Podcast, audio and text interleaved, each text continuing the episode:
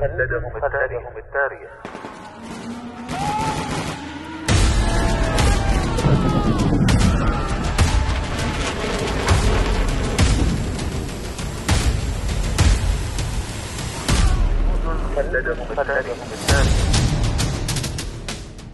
كم يفخر التاريخ العسكري برجال كتبوا سيرهم في سجلاته بحروف من الجهد والتضحية والعطاء. فبقت أسماؤهم خالدة باقية مثالا لمعنى الجندية التي دبت خطواتها كل شبر من أرض الوطن. جنود خلدهم التاريخ. برنامج أسبوعي نتعرف من خلاله على الجنود الذين ضحوا بحياتهم من أجل أوطانهم. يعده الدكتور هلال بن سعيد الحجري ويقدمه الرائد الركن. محمد بن سعيد المشيخي.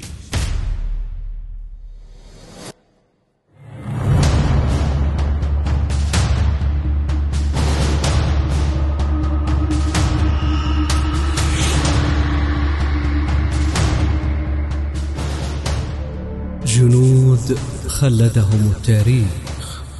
دانيال دال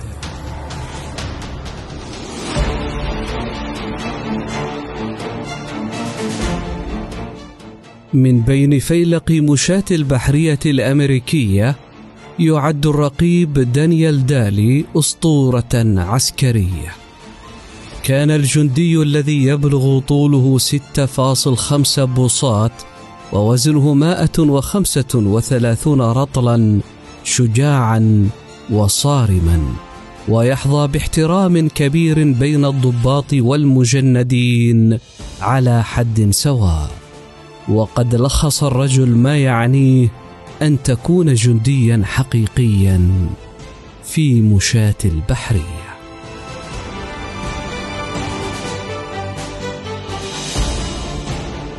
في يناير من عام 1899 خاضت الولايات المتحدة وإسبانيا حربا على كوبا. سمع دان دالي عن كل الهزائم الوحشية التي كانت تيدي روزفلت ورجاله يتعرضون لها في كل مكان.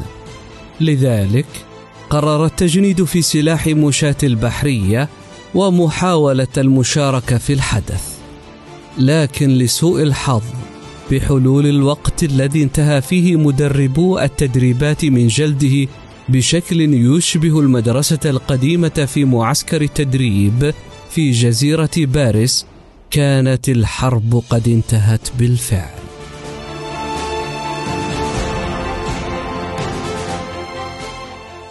عندما خرج الجندي دالي من برنامج التدريب الأساسي عين في الأسطول الآسيوي الذي كان يتجول في أنحاء الشرق الأقصى. في هذا الوقت كان الوضع يزداد سوءا في الصين حيث كانت أسرة تشينغ في المراحل الأولى من ثورة الملاكمين كانت مجرد انتفاضة من قبل الفلاحين الصينيين ضد النفوذ الأجنبي في بلدهم. ونظرا لأن هؤلاء الملاكمين كانوا يزدادون عنفا كل يوم. قررت الولايات المتحدة إرسال بعض مشاة البحرية المارينز للتأكد من أن مفاوضيتهم الدبلوماسية آمنة. كان من بينهم دان دالي. ما إن ظهر جنود المارينز حتى وجدوا مجموعة صغيرة من الجنود الألمان في مخيمات خارج السفارة الأمريكية في بكين. اعتدوا على المواقع الألمانية ودفعوا الكروات إلى الخروج من هناك. تضررت المواقع الدفاعية المحيطة بالمفوضية بشدة. فتوجه بقية جنود مشاة البحرية لجمع التعزيزات والإمدادات لإعادة بناء التحصينات حول السفارة. وتطوع الجندي داندالي للبقاء في الخلف والاحتفاظ بالحصن أثناء ذهابهم. في تلك الليلة كان دانيال يدخن سيجارته عندما فجأة بدأت قوة ضخمة من الملاكمين الصينيين في الاندفاع نحو السفارة الأمريكية بالمشاعل والبنادق وأسلحة أخرى مختلفة مرفوعة فوق رؤوسهم وهم يصرخون مثل المجانين. لقد جاءوا لتدمير القنصلية وكان دالي هو الرجل الوحيد بين هذا الحشد الهائج والمفوضية الدبلوماسية في مواجهة هذا الهجوم.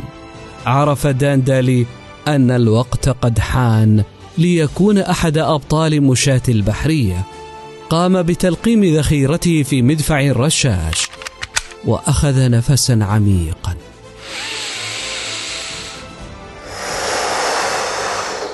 وضغط على الزناد في صباح اليوم التالي وصل باقي أفراد فرقة المارينز إلى الحاجز الذي تولى دالي الدفاع عنه.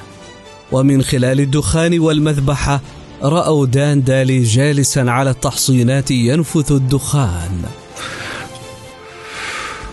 محاطا بجثث مائتين ملاكم مقتول.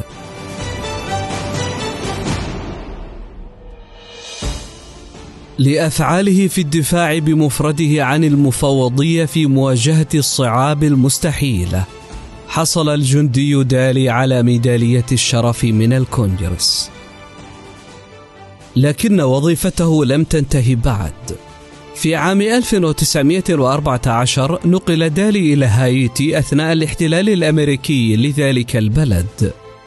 أصبح يحمل رتبة رقيب في الفصيلة التي أرسلت في دورية استطلاع في عمق الريف الهايتي. ذات يوم بينما كانوا يعبرون نهرا صغيرا وجد جنود المارينز أنفسهم في وسط كمين قاتل قام أربعمائة جندي من متمردي الكاكوس الهايتيين بإطلاق النار على الفصيلة المكونة من خمسة وثلاثين رجلا من ثلاث جهات من النهر.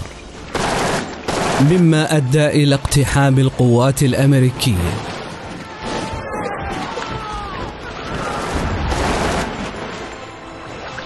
قاتل مشاة البحرية بقوة وتمكنوا من شق طريقهم عبر النهر حيث أقاموا مواقع دفاعية وحاولوا محاربة مهاجميهم. لسوء حظهم سقط المدفع الرشاش الثقيل للفصيلة في المعترك الأول. ورقد بسلام في قاع النهر بدت الأمور قاتمة للغاية. بالنسبة لمشاة البحرية الذين فاق الهايتيون عددهم بشكل كبير. صعد الرقيب دالي وشق طريقه للخروج من المواقع الأمريكية في منتصف الليل. وقفز في النهر وسحب المدفع الرشاش وربطه بظهره وتسلل مرة أخرى للانضمام إلى فصيلته. في صباح اليوم التالي انقسمت قوات المارينز المدججين بالسلاح الآن إلى ثلاث فرق واجتاحت الأدغال ومزقت فرق الكاكوس كلها. قضي على وحدات المتمردين بالكامل وحصل الرقيب دالي على ميدالية الشرف الثانية من الكونجرس.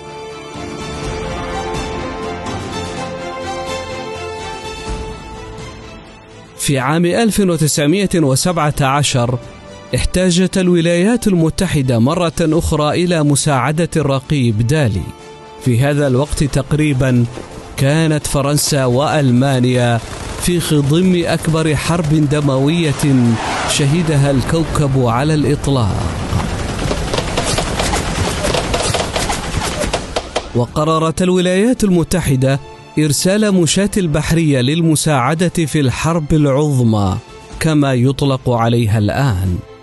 قاتل دالي في عدة حملات مع قوات المشاة الأمريكية في فرنسا وفاز بميداليات قتالية ثلاث مرات أخرى مرة عندما زحف تحت نيران العدو الشديدة وأنقذ نصف دزينة من مشاة البحرية الجرحى الذين تم تقييدهم.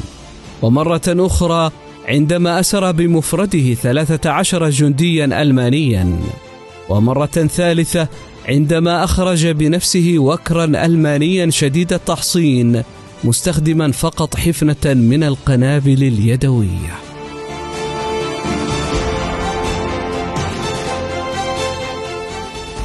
توفي دالي في عام 1937 عن عمر يناهز 65 عاما. وهو واحد من اثنين فقط من مشاة البحرية حصلوا على وسامي الشرف من الكونجرس. ولا يزال حتى يومنا هذا أحد أكثر الشخصيات الأسطورية في التاريخ العسكري الأمريكي. وهكذا أصبح من الجنود الذين خلدهم التاريخ.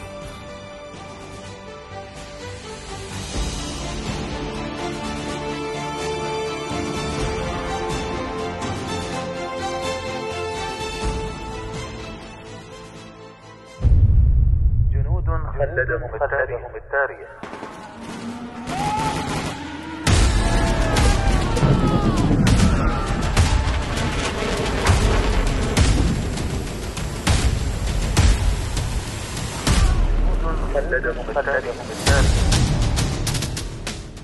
كم يفخر التاريخ العسكري برجال كتبوا سيرهم في سجلاته بحروف من الجهد والتضحية والعطاء.